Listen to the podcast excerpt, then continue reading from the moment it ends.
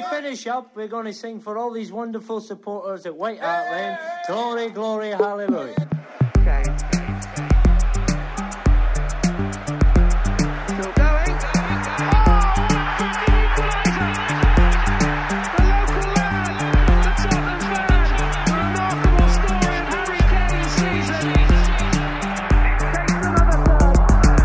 Hi, I'm Nicky King, and you're listening to the Golden Cockerel podcast.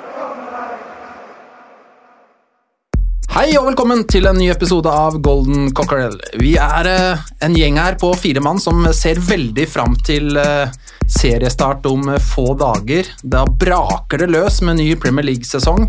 Lørdag klokka fire skal Tottenham i aksjon mot Southampton når de kommer på besøk til Nord-London. Og med oss for å diskutere det som eh, ligger foran oss, er eh, Leif Konrad Borsheim, velkommen. Takk, takk. Espen Frostad, velkommen. Takk for det. Og Magne Mellom-Eneksen, velkommen. Takk for det. Da eh, må vi jo starte med å høre rundt bordet her hvordan er magefølelsen rett før det hele braker løs på lørdag, Leif Konrad? Ja, den er sjelden god, vil jeg si. Um, går inn med, med stor sjøltillit i en uh, ny sesong, kjenner jeg. Det, det har sett uh, bra ut mot slutten av forrige sesong, hatt en bra sommer.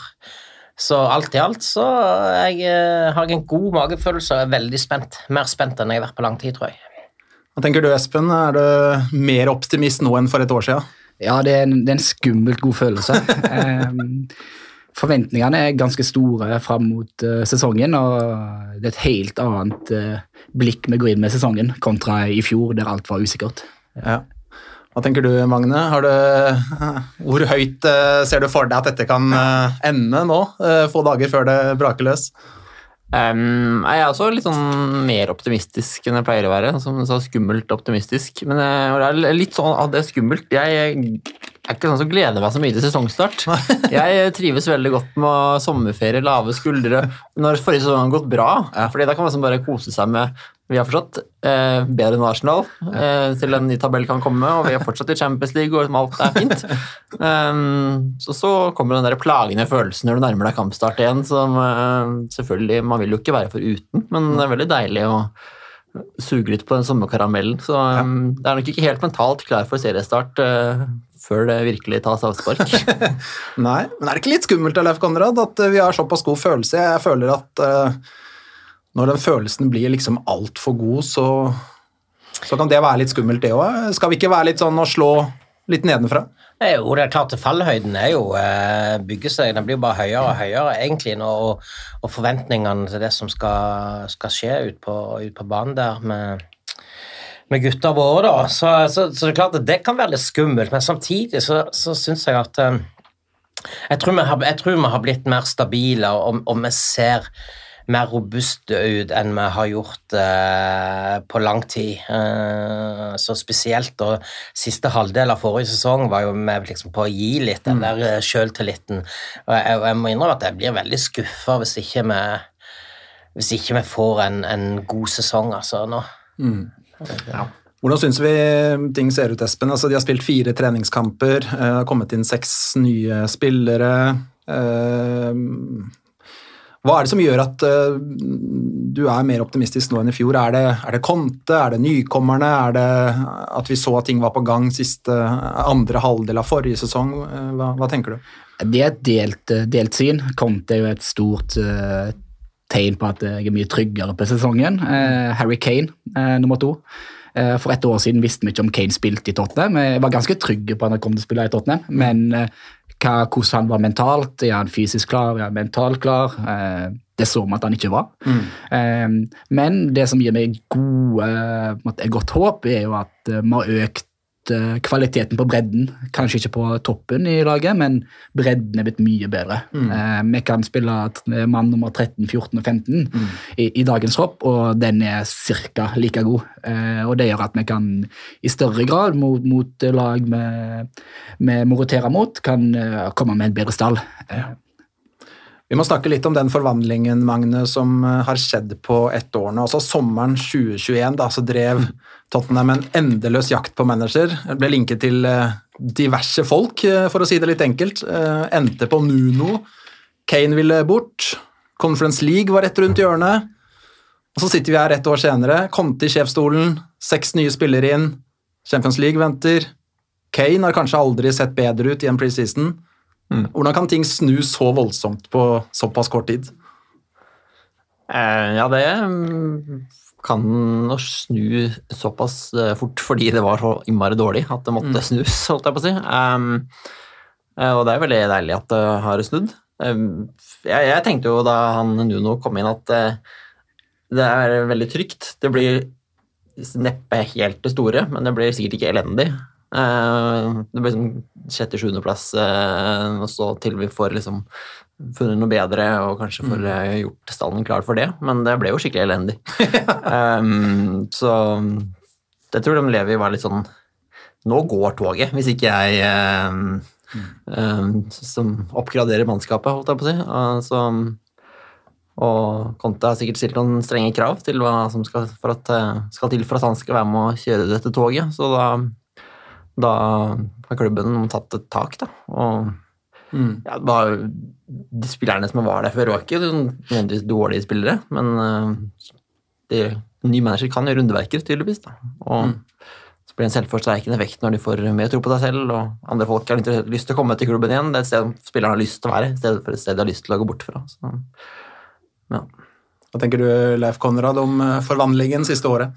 Ja, jeg tror mye må tilskrives rett og slett eh, Antonio Conte. Jeg, Eh, jeg var ikke sånn kjempeimponert i, i starten, og det har jeg vel sagt eh, her i, i podkasten tidligere òg, at det, jeg syns liksom ikke, jeg så ikke noe forbedring. Jeg syns liksom det var det samme trauste greiene.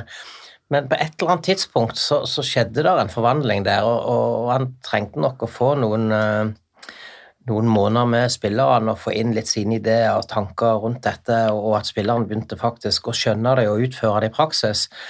Så jeg, jeg, tror det har mye å gjøre, og så, og så kom det jo inn selvfølgelig to eh, sterke signeringer i januar som var med og, og bidro på dette òg.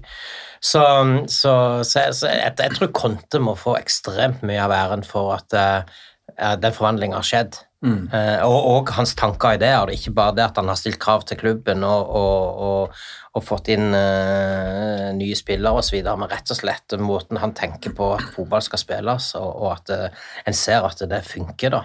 Ja. Rett og slett. Det er jo lett å se for seg, Espen, at uh, Konte er en som stiller vanvittige krav til alle. Alt fra Kane og sånn til kantinedama og vaskepersonell og ballgutter og, og alle. Og eh, når ting da først eh, går bra, da, sånn som de gjorde med Conte ganske, ganske etter hvert, i hvert fall. Enig med Leif Konrad, det tok litt tid, men etter hvert så, så begynte det fort å bli, bli bedre. Så, så, er det jo lett å tro på ham, da.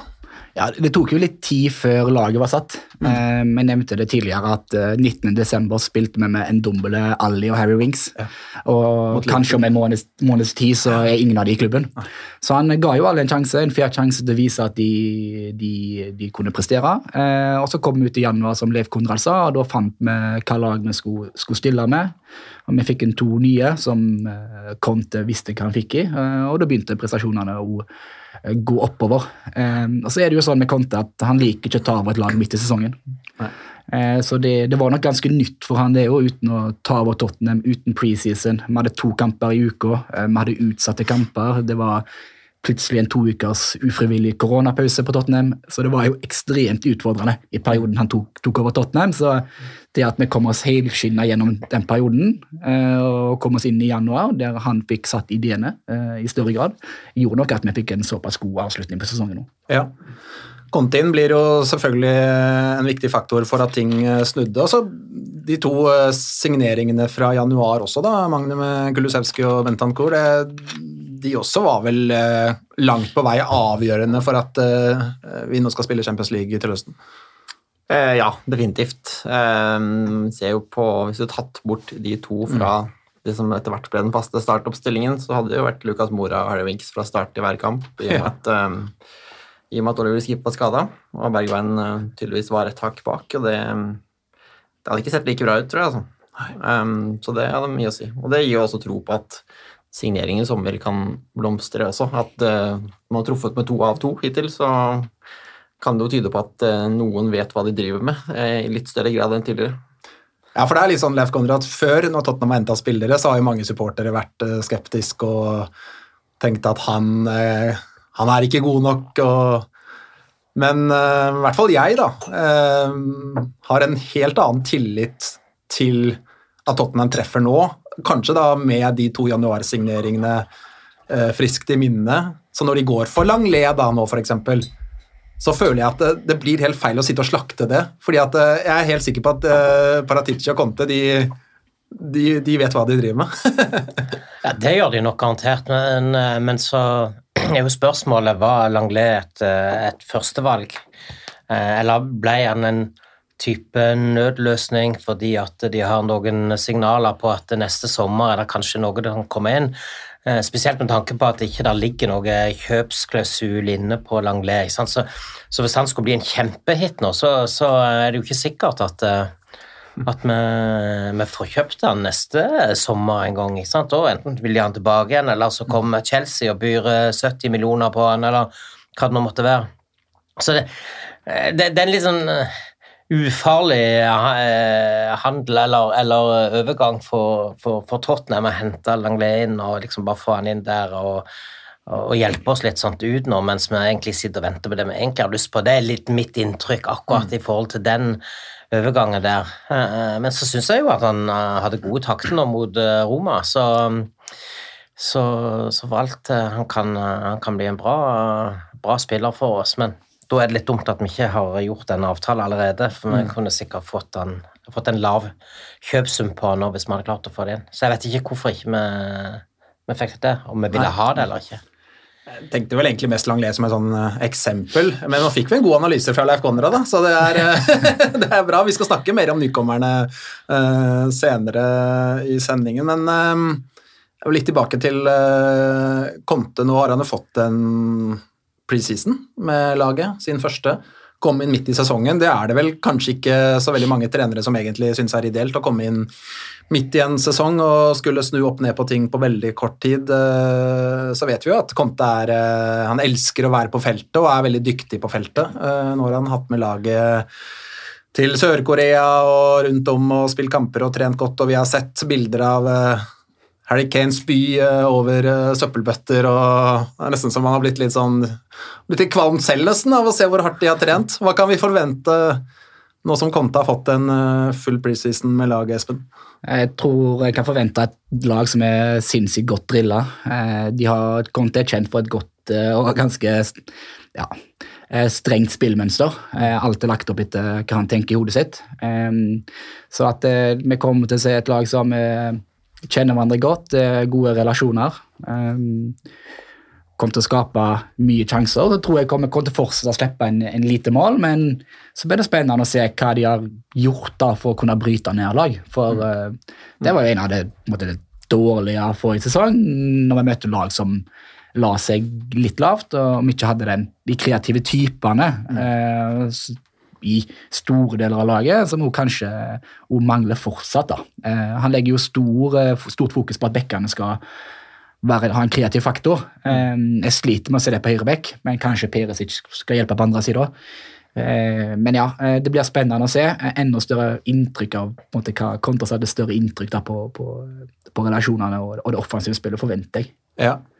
Vi så jo en klar tendens forrige sesong at da Conte fikk var det ikke fem dager eller mer på feltet, så vant de stort sett. Og fire dager eller mindre mellom kampene, så tapte de. Det var, det var nesten så svart-hvitt som det, så det er jo tydelig at han eh, han gjør en god jobb på feltet og, og trenger den tiden. og Når han da kom inn som vi sa, midt i sesongen, så, så blir kanskje den preseason eh, enda viktigere. For det er, det er jo forskjell på hvor flinke folk er på feltet av de managerne òg, men eh, Conte som eh, trives så godt der og, og er så flink der, det må jo være grunn til å tro, Magne, at, eh, at de ukene han har fått jobbet med laget nå, vil gjøre Tottenham godt.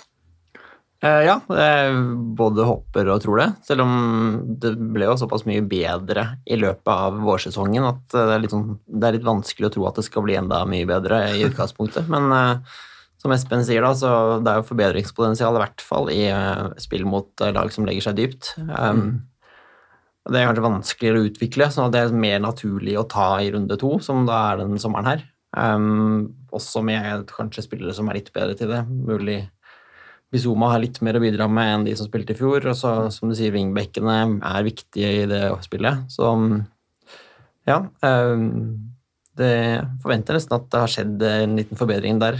Sånn, hvis manager ikke gjør laget bedre i preseason, da er det vanskelig å gjøre det ellers. Ja.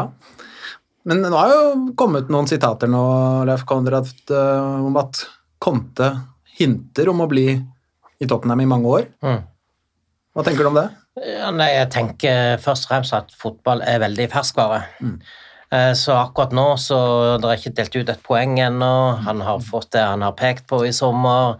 Eh, livet er egentlig bra. Han har levert. ikke sant? Alle er happy med han. Det er jo ikke et vondt ord fra noen på, på, på kontet. Så, så jeg ville jo blitt sjokkert om han hadde egentlig sagt noe annet. og men, men gi det ti kamper, og, og, og vi plutselig står der, så er det ikke sikkert det er så gøy lenger. Eh, Så, så, så det er veldig ferskvare, men, men, men, men eh, det er jo helt strålende om man på et eller annet tidspunkt hadde funnet en klubb der han kunne slå seg litt eh, ned og, og, være en liten stund. og, og kanskje bruke den tida det trengs. For det, det er ikke noe sånn quick fix å komme inn i Premier League hvis ikke du har noen sjeiker i ryggen. Så Men så kommer han jo samtidig med disse uttalelsene langt ut i overgangsvinduet, da. Eh, Et overgangsvindu han egentlig har drevet og hinta til eh, gjennom en hel vinter. Viktigheten av det. Så det er jo sånn sett et godt tegn også at han kommer med de uttalelsene nå. Ja, og det er klart at klubben har jo stilt med mye penger til rådighet for at de skal kunne få gjort dette, og jeg tror ikke vi, jeg tror ikke vi er ferdighandla heller ennå. Så, um, så det er klart at det er ekstremt positivt eh, at, at klubben er òg der på et sted eh, at de faktisk kan, kan gi eh, manageren de midlene som, som, eh, som man tenker trengs for oss. Og, for å flytte klubben et hakk videre. Da. Så, øh, og det- uansett, det vil jeg tippe egentlig hadde vært uavhengig om manageren heter Conte eller, eller noe annet. Altså. Ja. Så øh, uten, uten å bli litt sånn sentimental, så hadde det vært litt sånn spennende. Tenk, tenk hvis Pochettino i sin storhetstid i Tottenham hadde hatt disse midlene til rådighet og kunne fått hente inn det som Altså, hva kunne det blitt eh, noe? Ikke sant? Men, men det, det, det får vi la ligge ikke sant? og se litt framover. Og det ser jo veldig, ser jo veldig bra ut nå, da. Altså. Ja. Klubben er på et eh, veldig fint sted eh, på alle mulige måter. Jeg tenkte litt på jeg lurer på hvordan det er hvis eh, Conte blir lenge i klubben. Eh, altså, spillerne må bli lei, kanskje, mentalt, eh, eller slitne fysisk av å gå gjennom det der eh, kjøret der hver, hvert år. Eventuelt at Conte blir lei, selvfølgelig, men eh, hvis han er der lenge, blir det da mye utskiftinger i stallen hele tida, fordi ingen orker å holde personen, eventuelt eh, fysikken, lenge, eller lurer på om han klarer liksom å sette et lag som er sammen over tid. Det har vi jo ingen svar på ennå i eh, fotballen, men eh, De har jo snakka litt om det i, Liverpool. Eh, nå kom jo Liverpool for en kjempesesong, men sesongen før så havna de vel på 69 poeng, og de snakker om eh, folk mentalt utslitt av Klopp. Ja. så det er jo ikke bare et spørsmål i Tottenham, du snakker om Tuchel litt i PSG, at de ble lei der, og i Dortmund. Så de beste trenerne krever jo ekstremt mye. Og det er ikke mange trenere som er i en klubb lenger enn to-tre år nå. Det er unntatt med Klopp og, og Pep, eh, så forvente at han blir i lang, lang tid. Det, det tror jeg ikke vi skal, og heller leve litt i nuet. og Plutselig så ligger vi dårlig an i november, og det er krise på kontoret. og Kane vil bort igjen, og, og da, da skjer det plutselig ting der òg. men eh, vi, vi, vi, vi har det godt nå, og det er sjelden positivitet. og Jeg tror vi egentlig bare skal nyte av det og, og se framover. Det er jo en manager som er ekstremt opptatt av detaljer. Og la oss si vi sliter mot lag som ligger, ligger lavt, så jeg er nå inne ansett en dødballtrener som kanskje skal løfte den lille ekstra prosenten da, som at avgjør den kampen. Så du ser jo at de prøver å påvirke klubben i, i, i riktig retning, da. Ja. Men, men, men så, lenge, så lenge det leveres resultater, så tror jeg da er det spillerne som må gå hvis ikke de takler det, mer enn at manageren må gå fordi at dette blir for, uh, for tungt for en del spillere å, å være med på i, i lengden. Det, så, og det, det Bare se på Ferguson i, i sin tid i United. ikke sant? Altså Hvordan, de bare kvitta seg med Japp Stam, med, med Beckham, ikke sant? hvem det nå måtte være, så liksom bare ut, ut med de. Mm. Eh, og få inn nye, ikke sant, for det, det som Altså, når du har resultater og leverer hele veien, så, så er det jo andre som må betale prisen for det, enn en eh, han som sitter sjef i, for det sportslige. Ja, absolutt. Resultatet trumfer vel det aller meste. Eh, og, og jeg er helt enig, Espen, at eh, det, de der langtidsprosjektene, da, de ser man ikke så ofte lenger i fotballen. Man eh, så det Vi hadde jo Nils Arne Eggen i Rosenborg som var der eh, kjempelenge. Alex Ferguson i Manchester United. Nå har vi jo Klopp og Pep, da, som Og så er det jo noen andre i noen andre klubber som har vært der en stund, men, men det, er, det er sjelden man kan komme inn som en manager i en toppklubb og legge en femårsplan. Altså du, du må først og fremst fokusere på å, å vinne på lørdag. Eh, og vinner du ikke på lørdag eller neste lørdag eller neste lørdag, så, så sitter du kanskje ikke til jul engang. Det det er jo sånn det egentlig er. Men eh, jeg tenker i hvert fall at det er eh, et godt tegn at, at Conte hinter om at han vil bli i mange år. Jeg er enig, Espen, man vet jo aldri. Det er ferskvare, ting kan se annerledes ut. men det betyr jo i hvert fall at han er fornøyd, tenker jeg. Eh, og man vil jo veldig mye mer heller ha en fornøyd Conte eh, enn det motsatte. Eh, så det at han er så krevende og sånt, enig i Leif Konrad at eh, så lenge resultatene kommer, så, så vil nok aldri det felle Conte, så vi får jo bare krysse fingre for at den pila fortsetter å peke riktig vei. Bra. eh, vi skal eh, gå litt eh, videre, snakke litt om overgangsvinduet. Leif Konrad sa i en bisetning at Tottenham ikke er ferdighandla. Hva tror du kommer inn dørene de siste hva er det, det er jo fortsatt fire uker igjen omtrent? Nei, det er vel to posisjoner som uh, leser om hele veien, som, som det etterlyses uh, spiller inn på. Det er jo en offensiv midtbanespiller og gjerne en, en midtstopper til, da. Uh, og det hadde vært fint, det, men jeg bare jeg lurer litt på En offensiv midtbanespiller inn i et 3-4-3-system som skal ha tilstrekkelig med kvaliteter til å komme inn når det er behov for det. Eh, og ellers egentlig bare uh, være litt sånn uh, klar på benken, ikke sant. Får vi tak i det, og er vi villige til å bruke en halv milliard pluss på, på å hente det inn? Jeg er ikke så sikker på at Conte gjerne Altså, Du vil jo gjerne ha det, men, men når man på en måte òg ser at dette kan skape litt sånn friksjoner inn i ei gruppe òg, hvis, hvis du bruker mye penger f.eks. og henter Madison eller henter Saniolo, som det har vært snakk om nå, inn der, og så blir de satt på benken. Eh, og, og takler de det, og hvor lenge vil de være fornøyd med å sitte der uten å få spille? Og skal, skal vi legge om til et 3-5-2-system da for å tilpasse inn der? Eh, ja, og hvem skal du ofre da? Er det Kulusevski? Er det Charlison? Er det eller skal du ta sånn og Kane ut? Altså, Hvordan løser du dette? Så, så, så, så Ja, det, det hadde i, I teorien hadde det vært helt fantastisk å fått inn en som kunne vært med på når du trenger plan B og C. Eh, Men, men, eh, men om, om det er litt sånne ulemper med det òg, som gjør at en kanskje vegrer seg litt for å gjøre det, både økonomisk og det i, i forhold til en harmoni i en, i en spillertropp, jeg, jeg, vet ikke. Nei. Og så er det jo selvfølgelig en midtstopper som, som hadde vært fint å, å fått inn, selvfølgelig, men vi har jo per i dag ganske mange midtstoppere. Så får vi se hvis det ryker ut et par av de, så, så kan det jo fort være at det, det kommer en hvis det åpner seg opp en mulighet for det. Jeg har tenkt akkurat det samme som deg, Leif Konrad, om den offensive midtbanespilleren. Jeg synes også det Jeg er helt enig, i det, det er noe den troppen uh, ikke har, da, kan du si. Uh, og som det ideelt sett hadde vært veldig fint å ha. Men så er spørsmålet, når du ser på Madison, Saniolo Vi snakker kanskje en halv milliard kroner.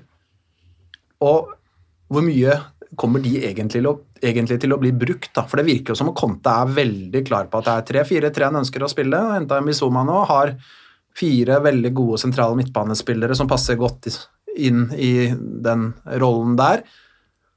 Og så klarer ikke jeg heller å se Jeg, kunne, jeg kunne egentlig gjentatt alt du sa, Leif Konrad, men, men hvor ofte kommer de til å spille 3-5-2, egentlig? Og hvem skal da ut? Altså, Du sa det veldig bra, så jeg, trenger ikke å gjenta det. Men jeg syns det høres litt råflott ut. da. Eh, Det blir litt som å bruke en eh, million kroner på, en, eh, på taket på plattingen din som du kanskje skal bruke to ganger i året. Metaforer jeg kom på her nå i farta, jeg vet ikke Det var litt sånn samme Men da er jo men at det trengs mer kreativitet, det kan jeg være enig i. Men jeg tror at kreativitet i kontelagene kommer veldig ofte gjennom wingbackene.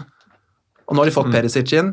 Og jeg skulle heller ønske enn at de svidde av 500 millioner på Madison, at de kanskje kjøpte en veldig, veldig god høyre wingback, en til. Så kan de heller selge Emerson og For jeg, jeg tror det er kanskje det er veien å gå. Hva tenker dere, Magne? Eh, ja, eh, jeg er godt oppsummert av dere begge, egentlig. Eh, den viste jo Tove Conte tegn på det i januar, at eh, når vi sender ut Brian Hill, eh, en Dombele og Lo Celso, at eh, offensive offensive midtbanere, midtbanespillere var han ikke så innmari interessert i, med mindre de kan spille angrep, liksom. Så det virker som at den sentrale midtbanespilleren hans skal være den defensive typen. Nå har vi jo fire som er veldig like. Um, så finnes det jo sikkert noen som kan spille den sentrale rollen og bidra litt mer kreativt enn de man har, uten å miste så mye defensivt, men det kan se ut som det er på kantene det skal skje, da. Um, og uh, men det vil nok bli lettere med mer drilla system med nåværende mannskap, men uh, som du sier, uh, knallgod høyrebekk som liksom går inn og viser at her, er jeg, jeg er stjerna her, det hadde jo vært en drøm, egentlig. For nå har man tre stykker som er gode på hvert sin, må- hver sin måte, og alle tenker at kan bli litt bedre, eller mye bedre. Så, og når han, manageren sier at det er en viktig posisjon i laget vårt, og man liksom ikke har det sånn klart valg der, så er det litt kjipt. Hvis jeg skulle rangere Tottenham windbacker, så tror jeg jeg ville putta liksom, eh, Perisic, Cézinho og til og med Region før den beste på høyrekanten, og det er jo et problem. Hva tenker du om kreativitet-tematikken, Espen? Ja, jeg er jo litt mer uenig. Jeg kunne gjerne sett Tottenham i, i kamper i 3-5-2. Um, Kulisevskij kan ikke spille 60 kamper på, på høyre ving, og vi har ikke et veldig godt alternativ ute til høyre. Det er Lucas Mora, ja, du kan, kan bruke Richarlison, men plutselig fått et spisspar med, med Kane og Richarlison, eller Kane og sånn, og en kreativ midt bak det, kunne vært spennende. Jeg ser ikke så veldig mye gode høyre wingbacker i markedet som vi kan få i dag, som tar oss til neste level. Ja, det har vært noen drømmer om Hakimi, men der er det et nytt prosjekt med Campos, så det er vanskelig å få tak i. Jo, så kunne variere, da. Og Ikke alltid være så forutsigbare at nå kommer Tottenham i 3-4-3, de kommer med to vinger som spiller som kanskje tiere, da, i hvert fall eh, en av de. Så gi den muligheten da, til kanskje å være litt mer direkte i en eh, 3-5-2 med, med Kane som kan stusse gjennom sånn, eller ja, med de alternativene har. De, de gjør oss jo flere muligheter. Eh, vi skal spille 60 kamper eh, denne sesongen, håper vi, eh, hvis vi går langt i kuppene. Og eh, den midtbanen mangler jo litt eh, det, det ekstra da, som kan uh, slå den ekstra pasningen som Christian, Christian Eriksen en gang gjorde. Uh, være den boksåpneren. Uh, så jeg kunne gjerne sett en, en kreativ midt, men vi kan ikke betale 600 millioner for Madison når han sitter på benken hver kamp. Jeg er jeg er enig med det. Altså, jeg også vil gjerne se mer 3-5-2, for jeg syns vi var gode de to-tre kampene vi spilte i fjor. Men hjemme bortekamp mot Leicester var vel en av dem, hvor vi produserte masse sjanser. Liverpool eh, også, var det Ja, ikke tror det, vi har spilt bra den formasjonen, så, men det, virker ikke som man vil bruke den. da. Eh, og I hvert fall når man har spilt en bra kamp i den formasjonen, og så går man tilbake til den andre kampen etter. Det- Og, og det er nettopp det, for jeg tror vi alle er enige om at det hadde vært fantastisk å ha hatt den muligheten til å gjøre det. Men, men hvordan selger du det inn til en spiller du skal hente? ikke sant? Eh, at, du kommer til å bruke det av og til. Ja, ja, ikke sant? Det, det, kan ikke, det kan være at vi kommer til å spille 3-4-3 som en sånn default-formasjon, og så, så får vi bruk for deg når uh, hvis, hvis det butter det. Altså, du, du, ja. Men de har jo kanskje solgt en del litt uh, sånn, da. Uh, den rollen uh, Du kommer ikke her i Tottenham og er fast. Eh, du, skal, du, skal, du skal egentlig slå ut Kulisevskij eller sånn, og det gjør du ikke på det gjør du, du slår ikke, ikke ut sånn, og du slår ikke ut Kane. Eh, og Kulisevskij var helt fantastisk. Eh, så Eh, Det er litt samme problemstilling, eh, men det ser du i de beste klubbene, og de beste trenerne klarer, klarer det. Så, Helt, helt klart. Men, øh, og, og, men det er klart at du vil jo måtte rotere mye mer denne sesongen. så Det er klart at det er ikke så vanskelig å selge inn for Richarlison at du kommer til å få mye spilletid.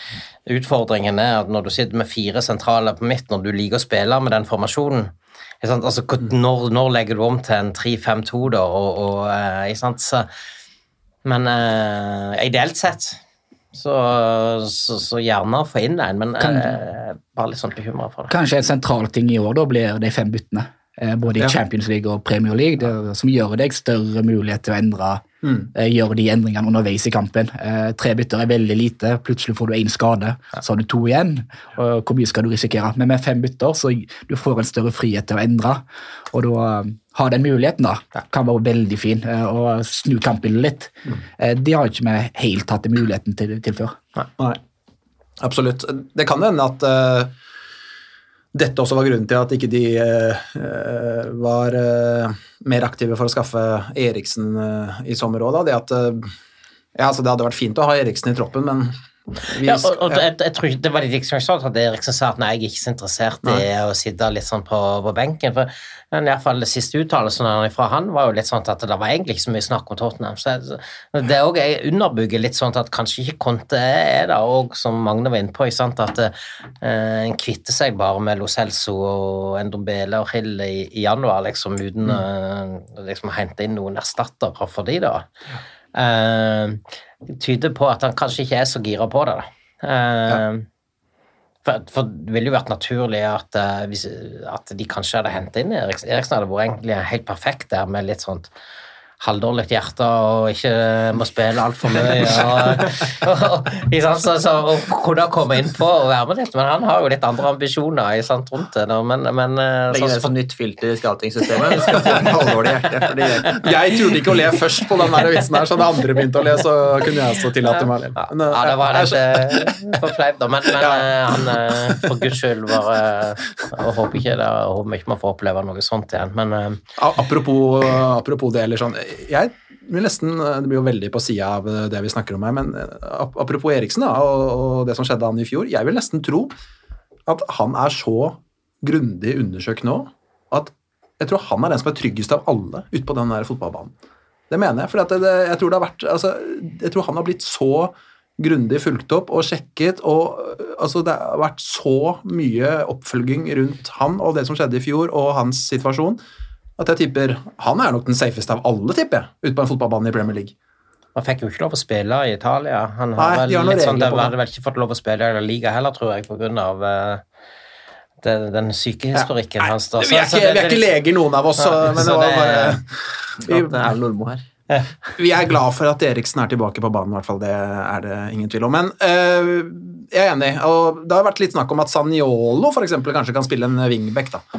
Uh, Kulusevski kanskje kan være en joker der. Lukas Mora har jo spilt litt wingback. altså Det ser jo ut som øh, at øh, Conte og Han har jo vist det tidligere også i tidligere klubber, at han øh, han kan være ganske kreativ da, eh, på de wingbackene sine, og når det gjelder løsninger eh, for, eh, for den posisjonen. Hva tenker du, Espen? Er det, er det skrevet i stein at Matt Docherty eksempel, kommer til å, å få 30 kamper denne sesongen?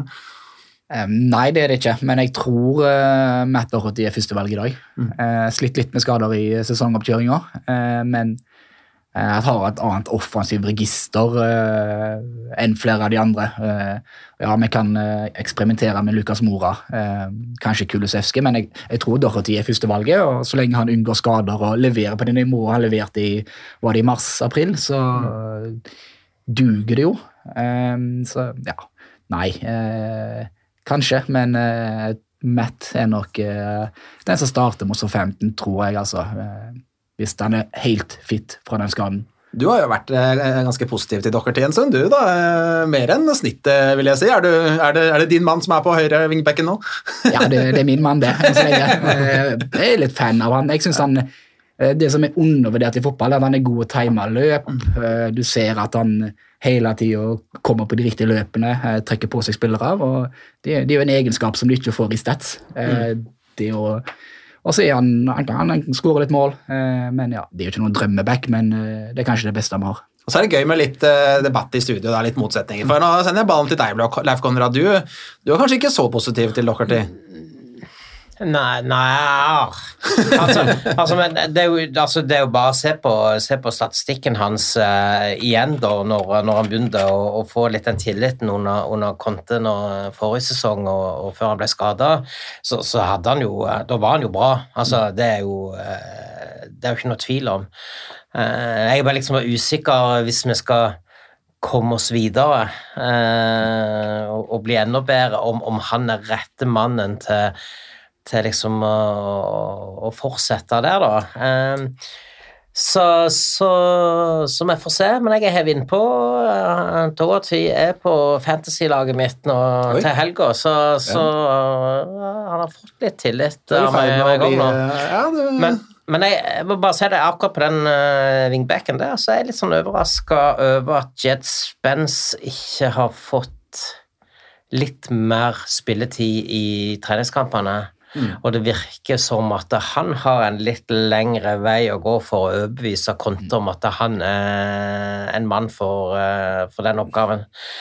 Så, så, så han må nok bruke treningene ekstremt godt for å komme i posisjon til faktisk å få litt spilletid. For det ser ut som han heller vil ha Lucas Mora der, eller ikke sant, og så eh, ja, altså, altså har jeg kanskje ikke tro på at Emerson Royal sånn sett kommer til å være der så mye lenger når du ser på hva type han er på jakt etter. Selv om jeg sånn isolert sett heller ville beholdt eh, Emerson Royal enn en Doherty, hvis vi skal kvitte oss med en. hvis vi ser litt på det, da, så har det jo vært en del urettferdighet mot de bekkene. Eh, Royal ble henta inn som en høyreback, ikke en wingback. Dorothy ble henta inn som en wingback, men spiller plutselig høyreback, og så spiller han venstre wingback. Det var jo veldig lite kontinuitet. Eh, de fikk ikke de arbeidsforholdene som de er best på. Eh, Royal er en god defensiv back, han. Eh, spiller med fire bak, så kan han fint stå der, og svært få kommer forbi han. Men med en gang han kommer over midtbanen, så er det jo bare ja, det er jo det er litt natta, mm. for å være ærlig. Men så det er litt hvordan systemet er bygd opp, og de har ikke vært helt, passa helt inn i systemene enn så lenge. da, og Med en gang de da har de får litt tillit på den høyre bekken, så eh, vokser selvtilliten, og så får han seg et mål, og så plutselig er han en helt annen spiller. Eh, Men jeg skulle gjerne sett en skikkelig god back.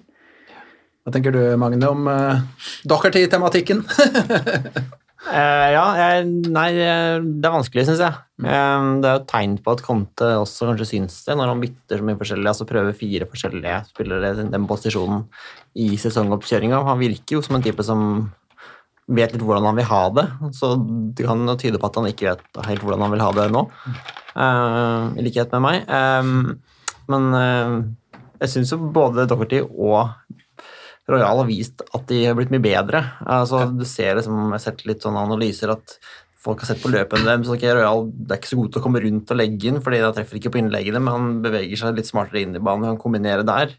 Og så viste jeg nå i kampene på slutten av sesongen i forhold at han er veldig bra defensivt, spesielt mot god motstand. Ja. Jeg, jeg ville kanskje følt meg tryggere med han f.eks.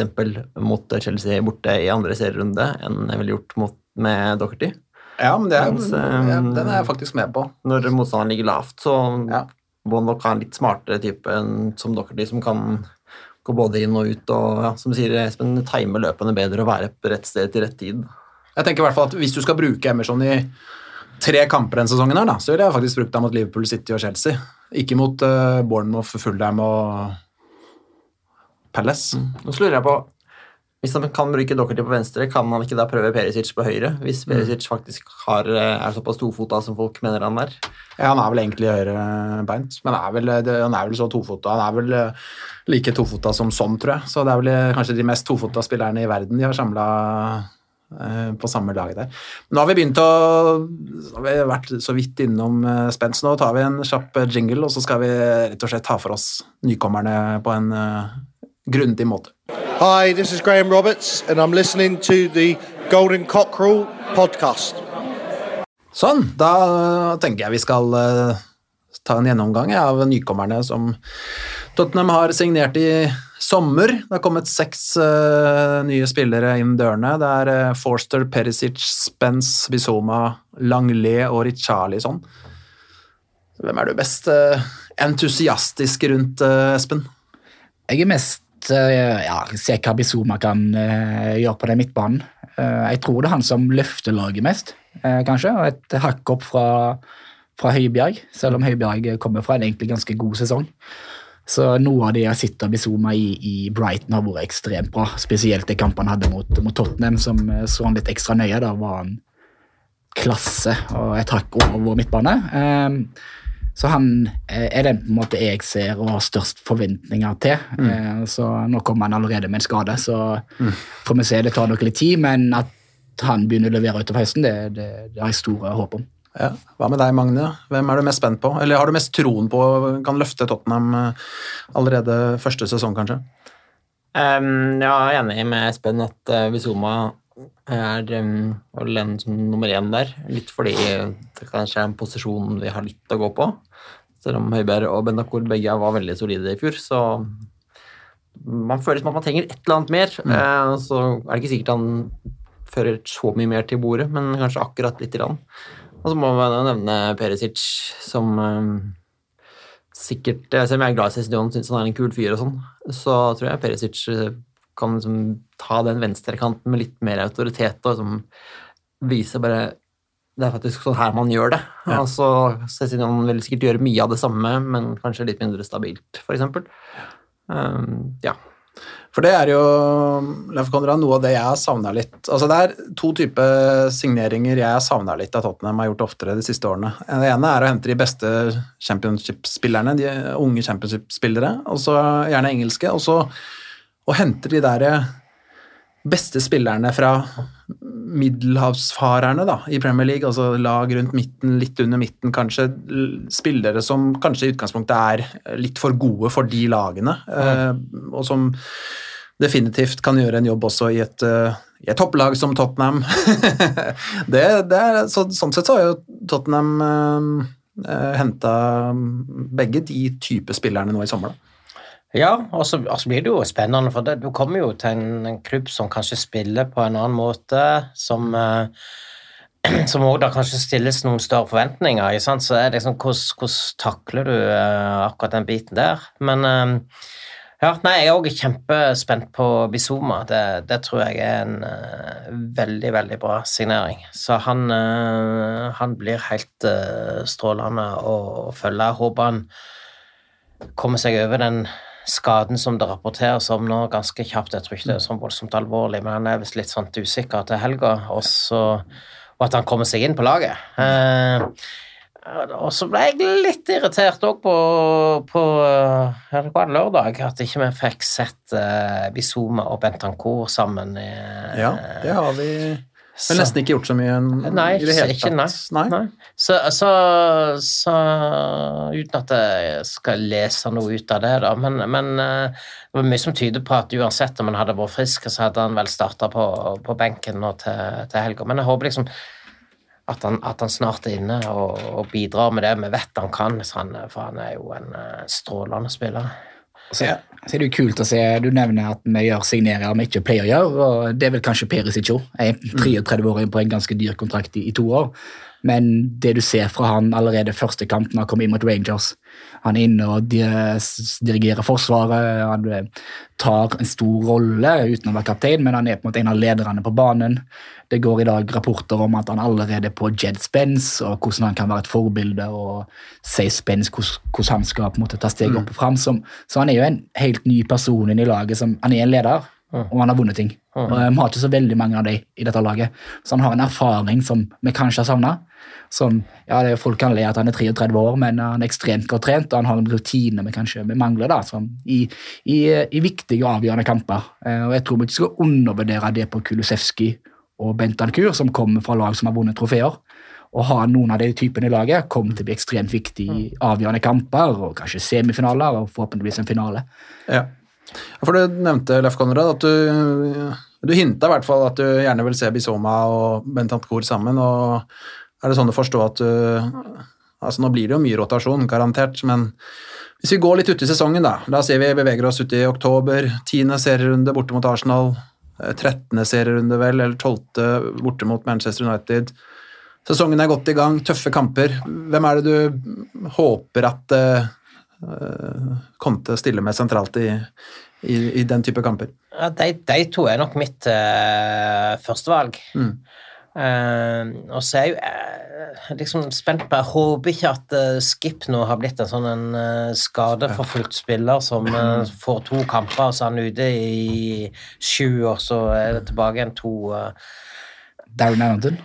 Ja, litt sånt. Da å- å få litt den der følelsen nå på at, at det, det, får jo ikke en, en skadefri periode. Han, han trenger det nå for å få utvikling og få får nok eh, spilletid. Så, så han er jeg òg veldig spent på. Han, han tror jeg kan bli en enormt viktig spiller eh, på sikt for, for Tottenham. Um, og Høibjerg, han er jo Høibjerg, da. Og vet hva du får, eh, får fra han. Så, men men, men mitt, akkurat nå er mitt foretrukne midtbanepar eh, Bentancour og, og Bizuma. Ble vel rapportert at uh, Skip var i helt vanvittig god form i sommer. Uh, Topp to i hele troppen. Vet ikke hvem som var eh, øverst, jeg. Var det Parrot? Det var han som drev og løp i front.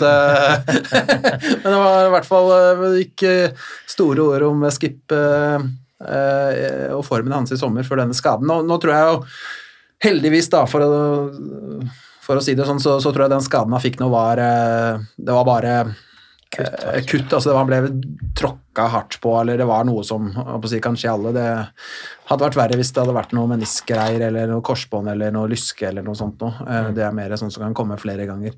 Men eh, jeg er enig i det, Leif Konrad. Det har vært eh, det har vært totalt mye skader på han i en uh, kort tot, en Tottenham-karriere, så uh, håper han uh, rister av seg det. Eh, så har vi jo um, Perisic har vi snakket litt om, men jeg syns vi skal fortsette litt der. Det er jo en spiller vi må kunne forvente at går inn fra dag én omtrent, med den alderen og rutinen han kommer med, Magnus, så er vel dette en spiller vi forventer at eh, ja, skal løfte dette Tottenham-laget eh, ganske umiddelbart. Ja, han har jo forutsetningene for det med den CV-en, og i tillegg hjelper det jo mye at han har spilt for Conte før, så han vet litt hva dette her går i.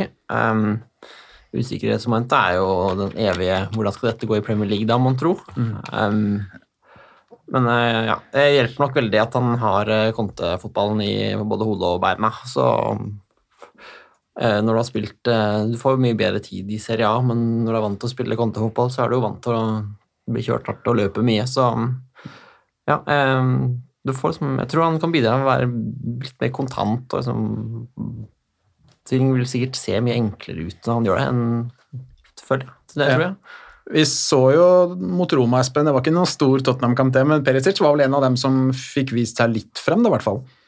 Ja, Nå fikk ikke jeg med meg Roma-kampen, eh, men eh, rapportene sier, sier jo det. Ja. Eh, Det er jo en, en klassespiller vi har. eh, Det er en fysisk spiller. Han er stor. Eh, Hvis du ser på signeringene etter januar, eh, alle er vel over 1,85, eh, og det er jo Du ser Conte bygge et fysisk lag eh, som helt klart Du kommer ikke til å se veldig mye av de små spillerne. Ja, Vi har Lucas Mora, men nye spillere som kommer inn, er at vi skal ha et mye mer fysisk robust lag.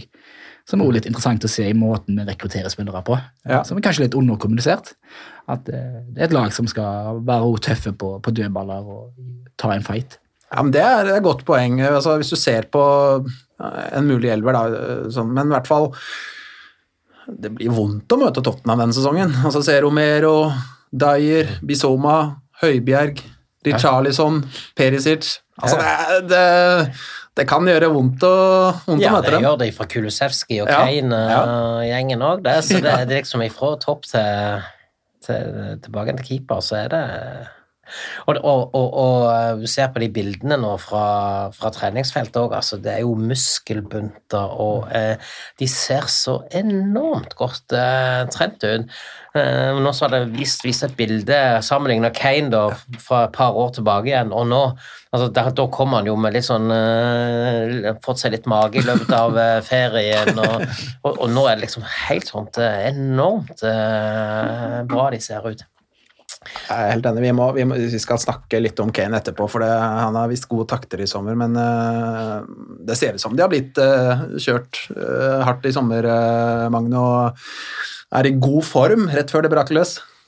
Ja, det er sånn det bør være. det. Vi har jo hatt en sommer uten Det har vært kort sommerferie, men eh, heldigvis ikke noe mesterskap eller noe, så de har fått tatt en grundig sesongoppkjøring. og ja, uh, får ikke håpe det er uh, gamle Juventus-triks for å komme i god form uh, man har brukt. Du ser det samme på de Bayern München-spillerne også. Mange er helt sinnssyk fysikk på dem. Når jeg ser sammenligningsbildene og har sett sånn spillere sånn fra de kom til Bayern München så tre år etterpå, de driver noe helt sinnssyk trening i noen klubber. Så, han- så han derre Ventroni, han fysiske treneren i Tottenham, han eh, hadde vel sånn eh, Sånn Et av mantraene hans var liksom bare 'run or die'. eller noe sånt. Så det var, sånn- Er ikke det Marina han blir kalt? jo, et eller annet sånt. ja. Sånn, Ja. Men det har fått veldig gode tilbakemeldinger. Han, da. Spillerne er- diggerne jo. Han er jo en kul fyr. da. Ser han tusler rundt der. og det, Selv om i de fleste klubber så blir kanskje den fysiske treneren hata litt, for det, hver gang du ser han, så skal du ut og løpe, til du, ja, løpe til du spyr, men eh, det virker som akkurat han har de et eh, godt forhold til. Og det kanskje sier også litt om at de er i ferd med å få en uh, tropp, men det er en mentalitet der det er sultne spillere. Det Conte begynner å lage, få på plass en gjeng som etter, etter hans smak, da. Ja, det tror jeg, og de henter spillere som eh, passer i de posisjonene han ønsker å bygge.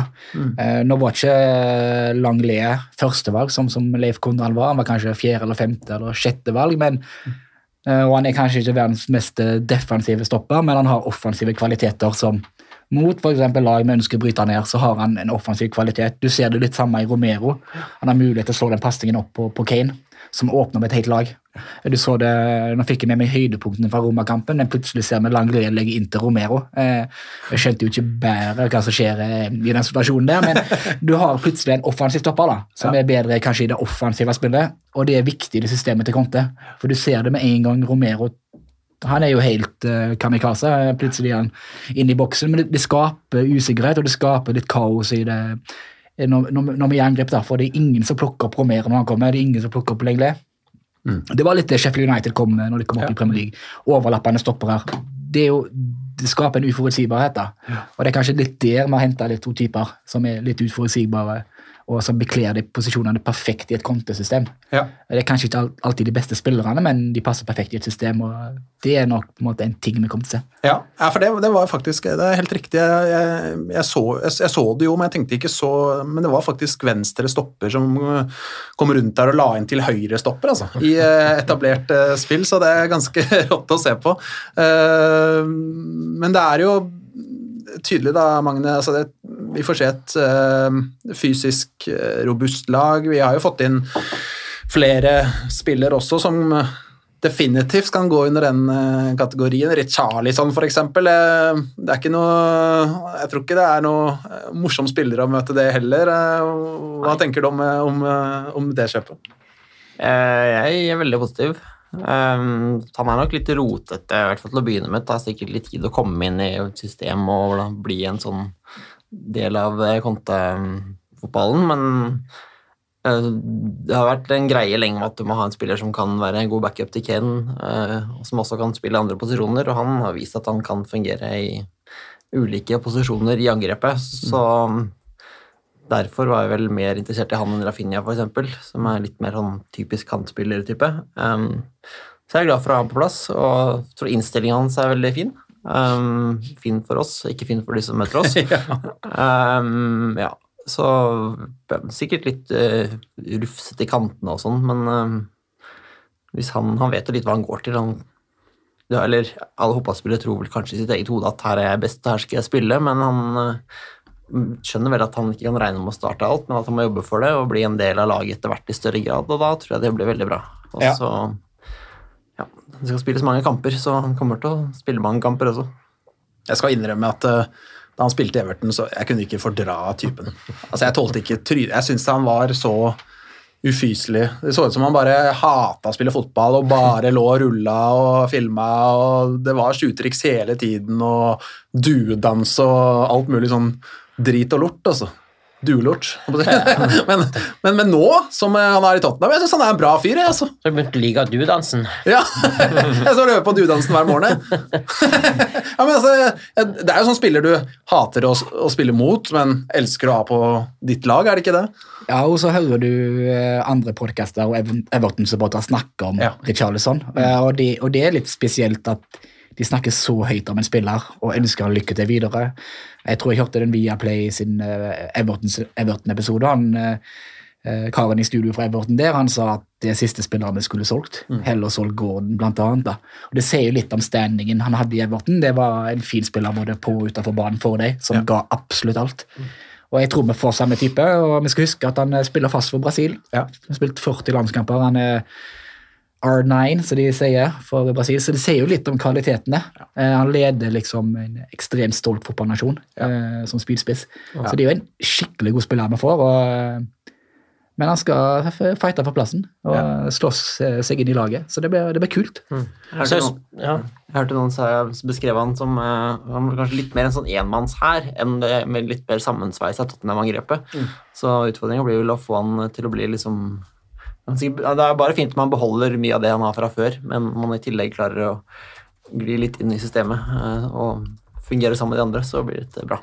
Så, så blir det litt sånn spennende å se på hvor får han mest spilletid. Henne blir det som spiss, eller blir det som wing? Mm. Og, og det er jo egentlig spiss han er, da. Altså sånt, ja. så, så, og så er det mye som kan tyde på at det kanskje han kommer til å spille mer wing enn spiss i Tottenham. Eh, men, men det er nok uansett godt, for du vet jo aldri. Plutselig så har du en skade på, på Kane eh, eller et eller annet som, som gjør at du du må ha en, en fullgod erstatter, og det har vi jo endelig fått nå i Richarlison. Så så du, ja. Han var jo ganske god i, i link-up-spillet i, eh, i Korea. Mm. Du ser at han er tøff, eh, han er tør å dytte vekk motstandere. og Han har litt av de samme kvalitetene som Kane. eh, Selvfølgelig ikke alle, men noe da, som han kan bidra med. Så han kan gå inn og eh, enten erstatte en skada Kane, eller at Kane får seg en hvil eh, til tider. Som Kane har godt av. Han kan ikke spille 60-kamper, han heller. Så det er absolutt på et smart kjøp. Hadde kanskje vært litt mer sexy med Rafina, som kan ta gode overstegsfinter og kan, kan legge han i krysset i tide og utide, men han er mye mer begrensa spiller. Han ville utfordre Kulusevski i stor grad, mens Richarlison kan bekle hele linja ja. og gir oss flere muligheter. Så eh, absolutt en, en smart signering mm. som Everton-fansen elsker, og det tror jeg vi skal ta med oss.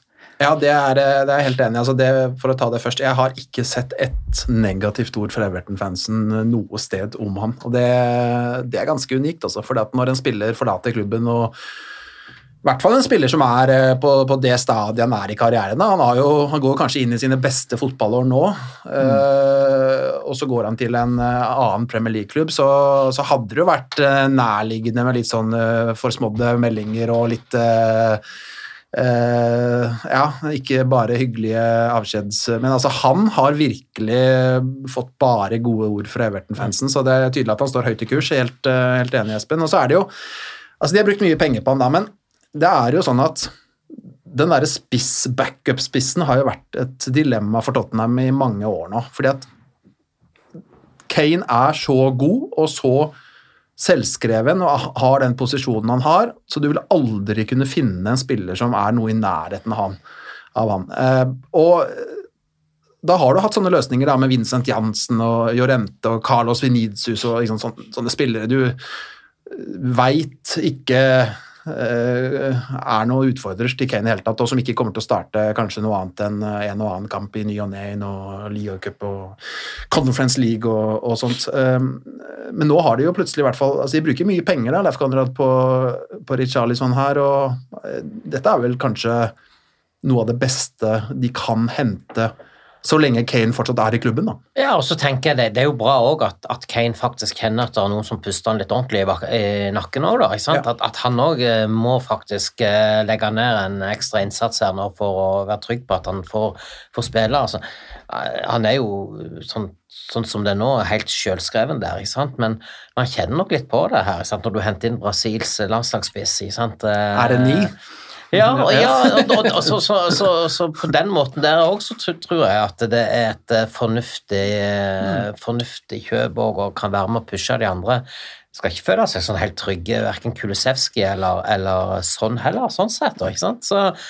Så, et, et meget eh, bra kjøp. Ja, det er første gang, eh, Magne, at eh, Tottenham har eh, fire spillere som kanskje står opp om morgenen da, og tenker at eh, Altså fire spillere på topp, da, fire spisser kanter, som står opp om morgenen og tenker at jeg er viktig for det laget, jeg skal starte på lørdag. Det er det en stund siden de har hatt. Ja, og det um, er jo et styrketegn. Um, altså, man har tenkt ofte før at som satte opp den lagoppstillinga for sesongen, der er det 11 første, og så er det 11 neste, og det er jo jammen en bra andel vi har. Og så spiller de europacupkamp eh, mot et eh, lag fra et eller annet sted i Øst-Europa, og så er det jo så ræva. Så det, Ja. um, det har litt med innstillingen til alle som spiller sammen i de kampene å gjøre, sikkert også, men uh, ja, hva skal jeg si? Jeg sier, tenker ofte det om høsten, og jeg tenker i år igjen, at nå har vi en god og bred stall. Um, og har kanskje enda litt mer tro på det i år enn jeg har hatt eh, tidligere. Ja. Det skal bli veldig interessant å følge med på uh, Richarlison. Um, håper jeg det første målet kommer snart, da, så han uh, får brutt den uh, barrieren. For det har ikke kommet ennå. Når, når kommer det første målet hans, tror dere? Han er suspendert mot så 15, men eh, når, når sitter han for første gang?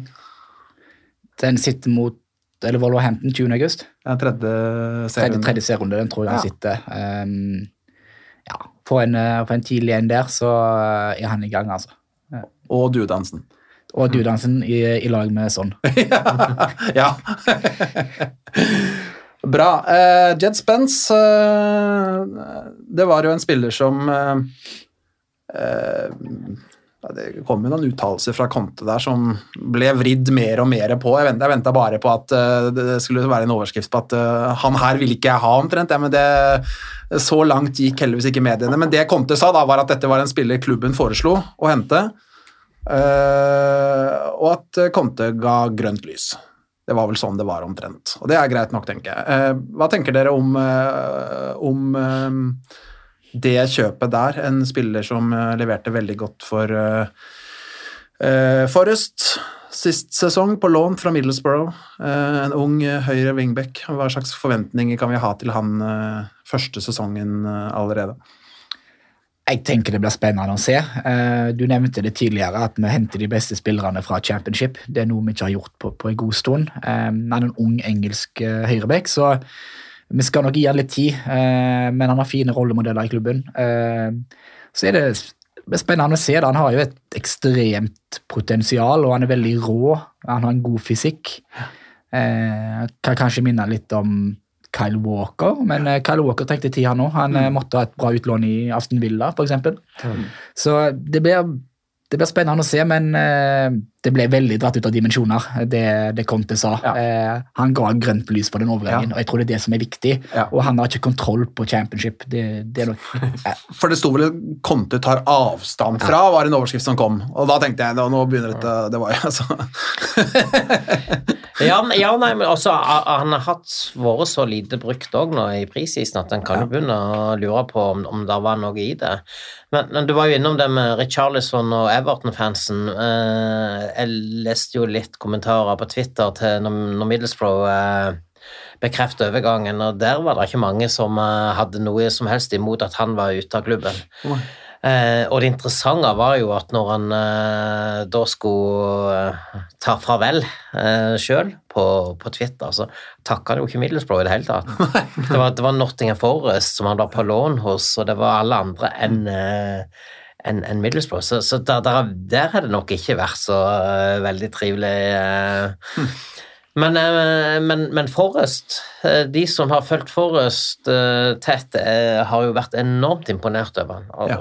og forteller at Tottenham har fått en, en klassespiller der, som muligens trenger litt tid, da, men, men igjen, han er jo i en alder der at han trenger å få Han, han må jo få spilt for å utvikle seg òg, så, så hvis han blir satt på benken og skal spille U23-kamper, eller hva det nå blir, så, er ikke det optimalt heller, altså. Så jeg håper de har litt større planer for han enn en, en, en bare det. ja. Han er jo mm, Jeg skulle til å si at han jeg- Conte har vært skeptisk til å bruke unge spillere sånn tradisjonelt, så jeg har vært litt redd for at han havner langt bak i køen, men eh, tenkte jeg en gang til, og han er jo bare ett år yngre enn Emerson Royal, så hvis Conte ville bruke Emerson Royal i fjor, så burde det ikke være noe veien for at han bruker Jed Spence i år. Eh, Men eh, han trenger sikkert bare altså, åpenbart tid på å lære seg litt kontofotball før han blir brukt mye, tror jeg. Ja. Um, så spørsmålet er jo hvilke kamper han skal lære seg det, men uh, vi får håpe det kommer noen kamper hvor han har mulighet til å få prøvd seg en god del. Ja, jeg tror også at eh, det, den kantefotballen tar det litt tid å sette seg inn i. Altså. Og det trenger ikke være sånn at enten så spiller du fra første match, eller så trenger du et år. Det kan hende at han fases inn litt utover høsten og, og blir en eh, større og større del av laget utover senhøsten og, og vinteren, kanskje. Så at han kommer til å få muligheter, det, det tror jeg også. Men det, jeg blir ganske overraska hvis han starter allerede mot S15 på lørdag, i hvert fall med tanke på at han har spilt såpass lite i preseason. Det virker som han eh, er litt unna, unna en førsteelver, Espen, eller hva, hva tenker du? Ja, det tror jeg òg at eh, han får nok en god plass på benken på, i helga, men uh, det kommer Liacup, det kommer mm. Bournemouth hjemme. Uh, rette anledninger til å fase han inn, og han skal bli en Conte høyrebekk. Ja. Uh, skal passe inn i systemet til Conte, og han ligger ni måneder bak de andre bekkene på, på det. Så vi må nå gi han 10 og 15 millioner eh, pund. Eh, veldig lite risiko. Eh, går dette til, til skogen, så kan du selge han neste sesong på 20, fordi da har han vært i Tottenham. Og Ja da, altså, men, men så, jeg tror han, han eh, innehar alle de kvalitetene som, som en trenger for å bli en god konteback òg, da. Høyre- eller wingback. Eh, han er kjapp, han er offensiv, bidrar mye mer offensivt enn defensivt. Så, så, så, jeg- så, så jeg tror at han kan, han kan bli veldig bra, altså. Ja, jeg tror det også. Han bør passe som hånd i hanske Ja. med de kvalitetene han har. Det er vel noen som uh, har sett han mye som uh, setter litt spørsmålstegn rundt innleggskvaliteten hans. Det er vel det eneste, men uh, så er det jo samtidig sånn da, at jeg mener helt oppriktig at som wingback, det høres kanskje rart ut, men jeg mener helt oppriktig at den innleggskvaliteten i Conte, altså som wingback for Conte, er egentlig ikke helt avgjørende, da. Fordi at du vil veldig ofte bli satt opp i så gode posisjoner at du, du er ikke avhengig av å bøye den ballen 45 meter rundt tre stoppere og, og på panna til Kane. Det, du, du vil kunne sette deg selv i, i situasjoner som, som gjør det mulig med mye enklere avleveringer og, og distribu, distribuering enn det. Da. Så, så vil jo sikkert innleggene bare bli bedre og bedre, så man får stått og terpa med det på, på feltet lenge. Men eh, nei, jeg tipper han kommer til å bli en bra, en bra spiller for, eh, for Tottenham. Kan håpe han, kan håpe han får en litt sånn eh, karriere som Cézinyon. Altså, Conte Ja. brukte liksom et par måneder på å få i gang. Han har litt med skader også, men han selvtilliten hans var lav også nå, så han trengte på en måte å fases inn litt både mentalt og eh, taktisk. Eh, han er også en spiller som er like gammel som Spence, vel. De kjenner hverandre sikkert fra Ja. Fulham-akademiet, hvor de var begge to. Mm. Så de kan hjelpe hverandre i gang, og at han kan få litt samme bruk noen måneder, som Cézinyon gjorde, og så er du klar til å starte mot Arsenal, hvem det skal være. Var det ikke Cézinho som sendte en melding eller kommenterte noe på Instagram eh, til Spence et par uker Ja, før han kom det. til Tottenham? Ja. Eh, bruk tida til å løpe mye nå, eller et eller annet sånt. Så Nei, men jeg tror det blir eh, bra. Så er han jo tatt litt eh, inn under vingene til Perisic òg, virker det som. At han får litt, uh, får litt mentorhjelp fra Perisic, og det kan jo være en god læremester, det, uh, den tiden Perisic skal være i Tottenham også. Da har vi én nykommer vi ikke har nevnt, da. Vi må jo, det syns jeg er litt dårlig gjort, hvis han hører på. Så Fraser Forster. Veldig god i norsk, har jeg hørt. Er det noen som har lyst til å ta 40 sekunder om han, eller? Det er bra å ikke bruke opp en utenlandskvoteplass på en andrekeeper, så ja. da er det greit å hente en som er engelsk. Ja. Og er det vel bedre med en rutinert enn en ung, fordi rutinerte i større grad kan gå inn på kort varsel, tror jeg. Det var bra. Da er det 20 sekunder igjen. Ja, for, og så kom, han kommer med et uh, mye bedre rykte enn det Joe Hart eh, når, han, når vi henta han, så var det liksom Hva, hva var dette for noe, liksom? Det Han svikta i flere klubber på rad. Her eh, Foster gjorde det jo bra i SO15 forrige sesong. Er jo svær, har en stor rekkevidde. Så, så, um, så jeg tror det er fornuftig, fornuftig fyr å ha som backup. Har du lyst til å legge til noe, Espen, om Forster? Det er vanskelig å legge til noe eh, på Fraser Forster, men det er nok en smart signering. Ja. Eh, kan fint være backup-keeper, kan stå hvis uh, Louise er ute og er engelsk. Mm. Så det passer, glir nok rett inn i gruppa, og så har han litt erfaring fra Champions League, har vunnet noe trofeer med Celtic, kanskje. Så han har litt den, den ja, mentaliteten. Eh, så jeg tror det er en, det er en grei signering. Ja. Og så en kjempekamp mot Arsenal. Ja, jeg skulle til å si det. Skulle akkurat til å si det. Han, var- han var, jeg synes han har jo spilt mange bra kamper. Da. Altså, det er jo ikke en keeper som er ferdig. på en måte. Altså, det, han, eh, mot Arsenal var han jo Jeg har sett noen høydepunkter fra den kampen etter at han signerte for Tottenham. Han var jo helt eh, Supermann. Du lå jo oppe i krysset, og de paradene og han sikra Champions League-plassen for Tottenham eh, i den kampen der, eh, egentlig. Hvis eh, Arsenal hadde vunnet den, så hadde de hatt tre poeng mer. da. da Han, jo... han var ganske god på St. Mary's mot Tottenham i 1. januar òg. Ja, så han hadde en ganske god kamp ja, der. Så det nuller seg kanskje litt ut, det der. Men det var jo fin den videoen de la ut når han signerte, så var det jo en highlight-video Ja, fra, fra Arsenal som 15. det var, det var bra. Det var fint. Det er en kort pause, og så tenker jeg at vi skal rett og slett snakke litt om Harry Kane. Hi, I'm Ledley King, and you're listening to the Golden Cockerel podcast. Da tenkte jeg vi skulle snakke om en som har vært i Tottenham i mange år. Nå har vi snakket en del om nykommerne som har kommet inn i sommer. Harry Kane har eh, sett veldig skarp ut i sommer, eh, Leif Konrad. Uh, har vel kanskje aldri sett bedre ut i en preseason enn det han uh, har gjort uh, denne sommeren. Du har sett han i alle treningskampene de har spilt nå i juli. Hva, hva tenker du om den utgaven vi ser nå? Ja, jeg, jeg tror han er Det er vanskelig å, å konkludere for mye ut ifra noen treningskamper, men, men, men det, det han har vist, det tyder vel kanskje på at han går mot sin beste sesong noensinne, og det, og det sier ganske mye, altså. Eh, han, han ser skarp ut i avslutninga, han eh, og bidrar som vanlig med mye i det oppbyggende. Han, han, han er liksom Han har alt. Han er Vi er altså så kjempeheldige som har han, eh, og at han er en av våre egne. Og nå er det bare én ting som mangler, og det er en ny femårskontrakt. Ja. Jeg har sagt det flere ganger før her, men, og jeg tror, jeg tror han kommer. Men han må komme til lenger det begynner å nærme seg neste sommer uten at uh, det er kommet en ny kontrakt på plass til, til dårligere nattesøvn for, jeg tror jeg. Ja, to år igjen av kontrakten. Uh, han er uh, vanvittig viktig for dette laget, Espen. Eh, Tottenham er så heldige som har han.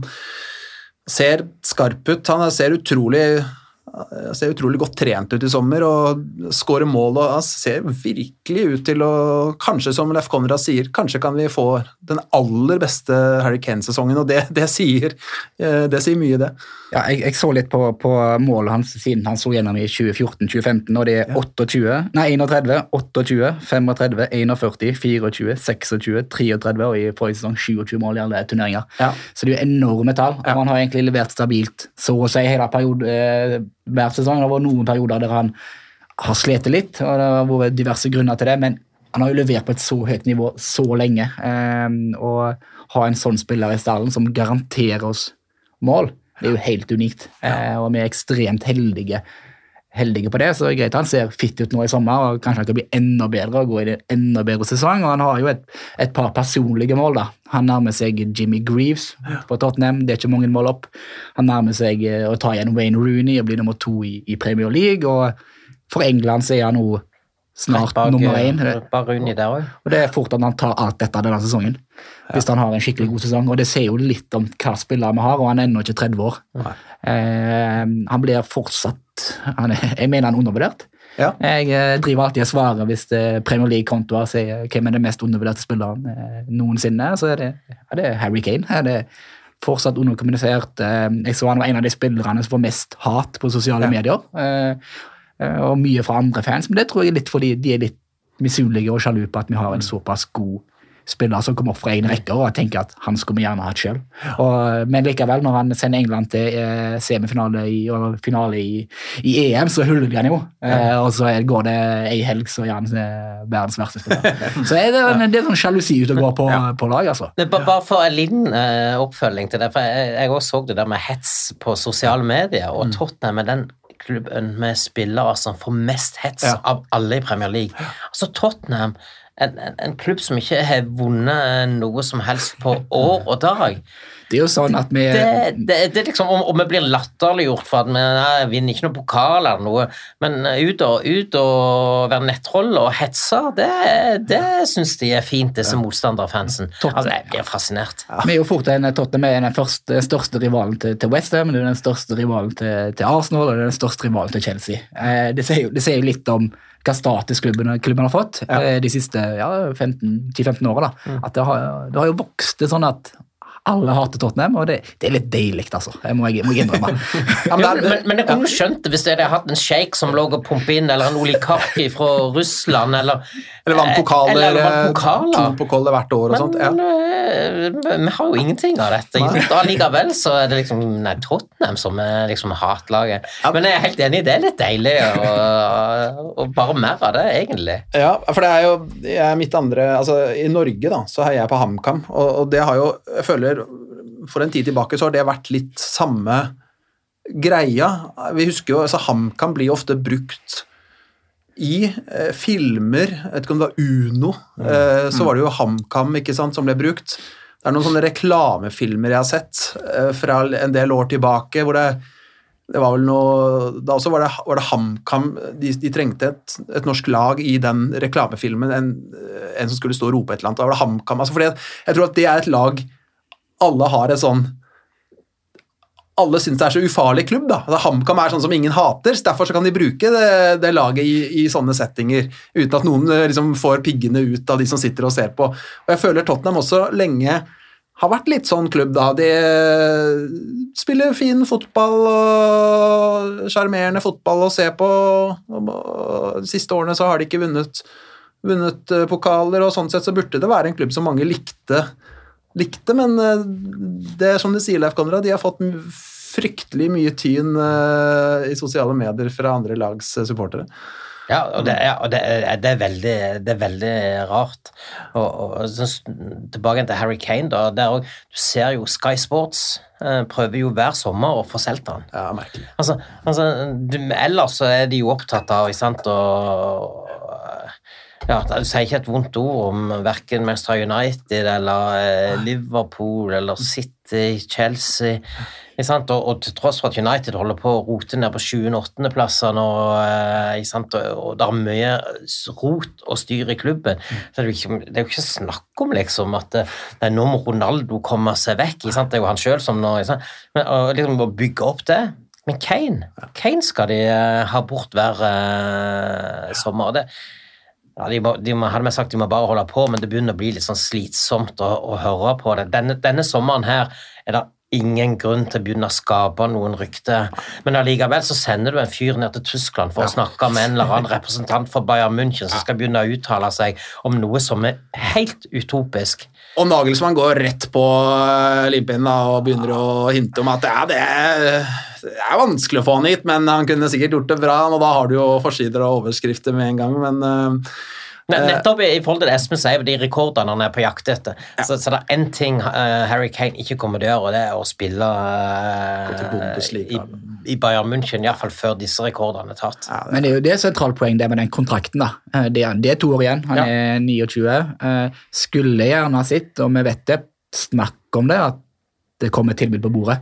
Og må bare håpe at han signerer den, og da, da er han da er det locked. Mm, ja. Så lenge ikke det skjer, så kommer det ja, spekulasjonene i media til, å, til å skje uansett. men jeg, tenk, jeg tenker der, eh, i det, i det scenarioet at, han ikke, at det ikke kommer en ny kontrakt, så må, så må rett og slett Tottenham sitte på han. Ut han 31 år, så kan han, så kan han få sende ut eh, agenten og prøve å forhandle fram en eh, kjempekontrakt eh, og lang kontrakt til han et annet sted, bare for å på en måte bryte ned alt han har brukt hele karrieren sin på å bygge opp.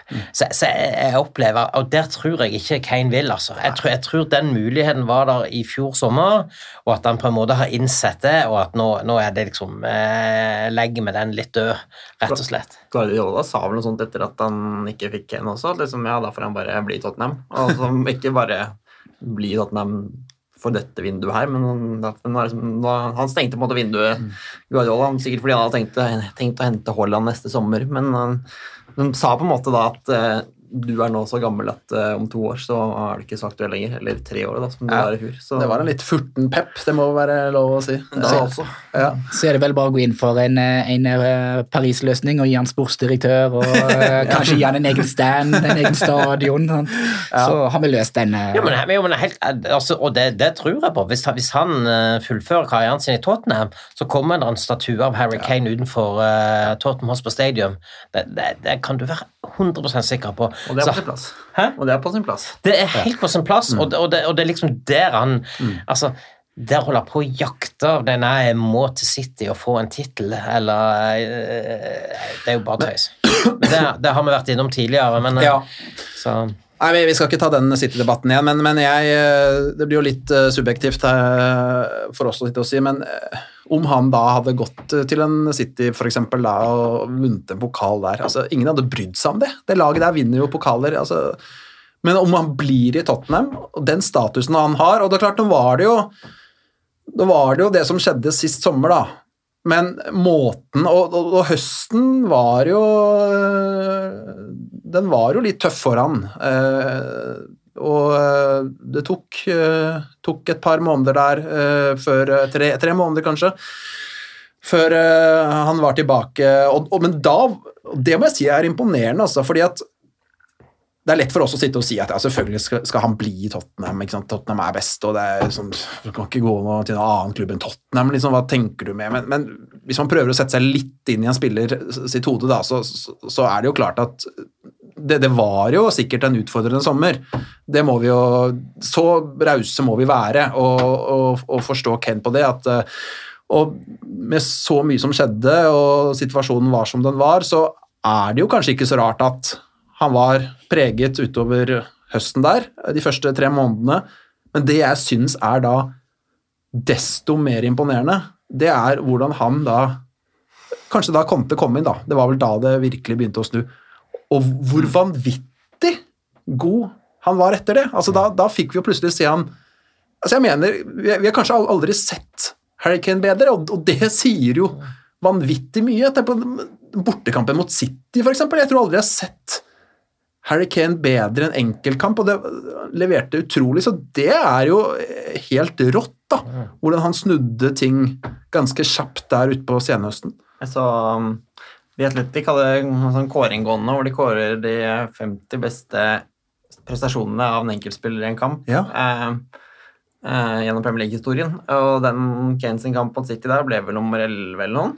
Det stemmer vel nummer 11. Ja, det var den eneste på topp 15 som var nyere enn seks år gammel eller noen. Ja. Så det var da det mener at det er den beste kampen en enkeltspiller har spilt i Premier League de siste seks årene. Tenk på det. Borte mot City, ja. På den eh, lista hadde vi jo vel Adebayor mot, eh, mot Newcastle. Jeg husker, jeg husker de fire målgiverne eh, og målene han hadde der. Ja, nei, det Kane er en fantastisk spiller. Han skal bli karrieren ut i Tottenham, og så skal han bli klubblegende. ja. Enkelt og greit. Ja, det Hvis jeg var Kane, så hadde jeg gjort det. Altså, det men det, er- det er to år igjen av kontrakten. Det er jo, det er jo et faktum.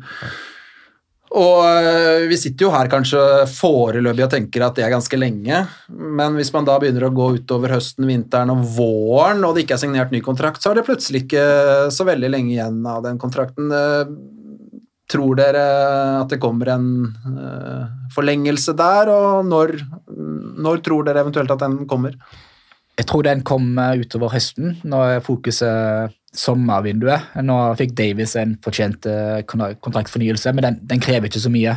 En kontrakt til Kane den krever, det krever ny eh, lønnsrekord i klubben. Det skal sikkert være noe add-ons og andre ting, og det er en kontrakt som nok krever et par, et par måneder med, med en form for forhandling. Så at fokuset på den, at Paratici Levi kom til å jobbe med den fra 1. september, selvfølgelig de, de jobber med det enda, men mer konkret, tror jeg kommer til å skje. Eh, Lev Konrad sa det, signerer han ikke noen ny kontrakt, så må vi la han gå ut kontrakten. Det har ingen verdi å selge han neste sommer. Eh, da er det ett år igjen, vi får ikke så mye for han, da er det bare bedre å la han være i klubben. Men jeg, jeg, jeg føler meg ganske trygg, jeg bare får en god start nå, at han fortsetter å tro på det prosjektet. Mm. Litt enig om det faktisk kan avgjøre litt, men eh, ja. For det er jo Ja, vær så god. Leif Konrad. Og du prøver å si noe. Nei, nei, det, nei, jeg er helt enig. Oh, ja, er, er, vi, har snart, Sånn. vi har snart ikke mer tid igjen i studio. Ja, det var vinka så fælt bort på andre enden av bordet. Ja, men det, det, hvis vi skal Vi må vel snakke litt om SO15 òg Ja. til lørdagen. Vi må gjøre det. Nei, men eh, For å avslutte med Ken, Han virker jo superfornøyd nå, i hvert fall, og med konto og ting ser bedre ut enn på lang tid, så vi får håpe på en eh, kontraktsforlengelse ganske så snart. Nei, vi må bruke de siste minuttene, folkens. Det er bra du passer på tida, Leif Konrad. Det er jo er noen Passer ikke vel bare kasta ut her uten å, uten å få fullført det. Ja, ja, det, det er aldri noe moro. Eh, så 15 på lørdag, da braker det løs. Eh, hva, hva kan vi forvente oss der? Hva håper vi på der, Magne? Eh, jeg håper uh, kose meg litt med kamp. da. Det gjør jeg jo ikke hvis Tottenham leder med ett mål.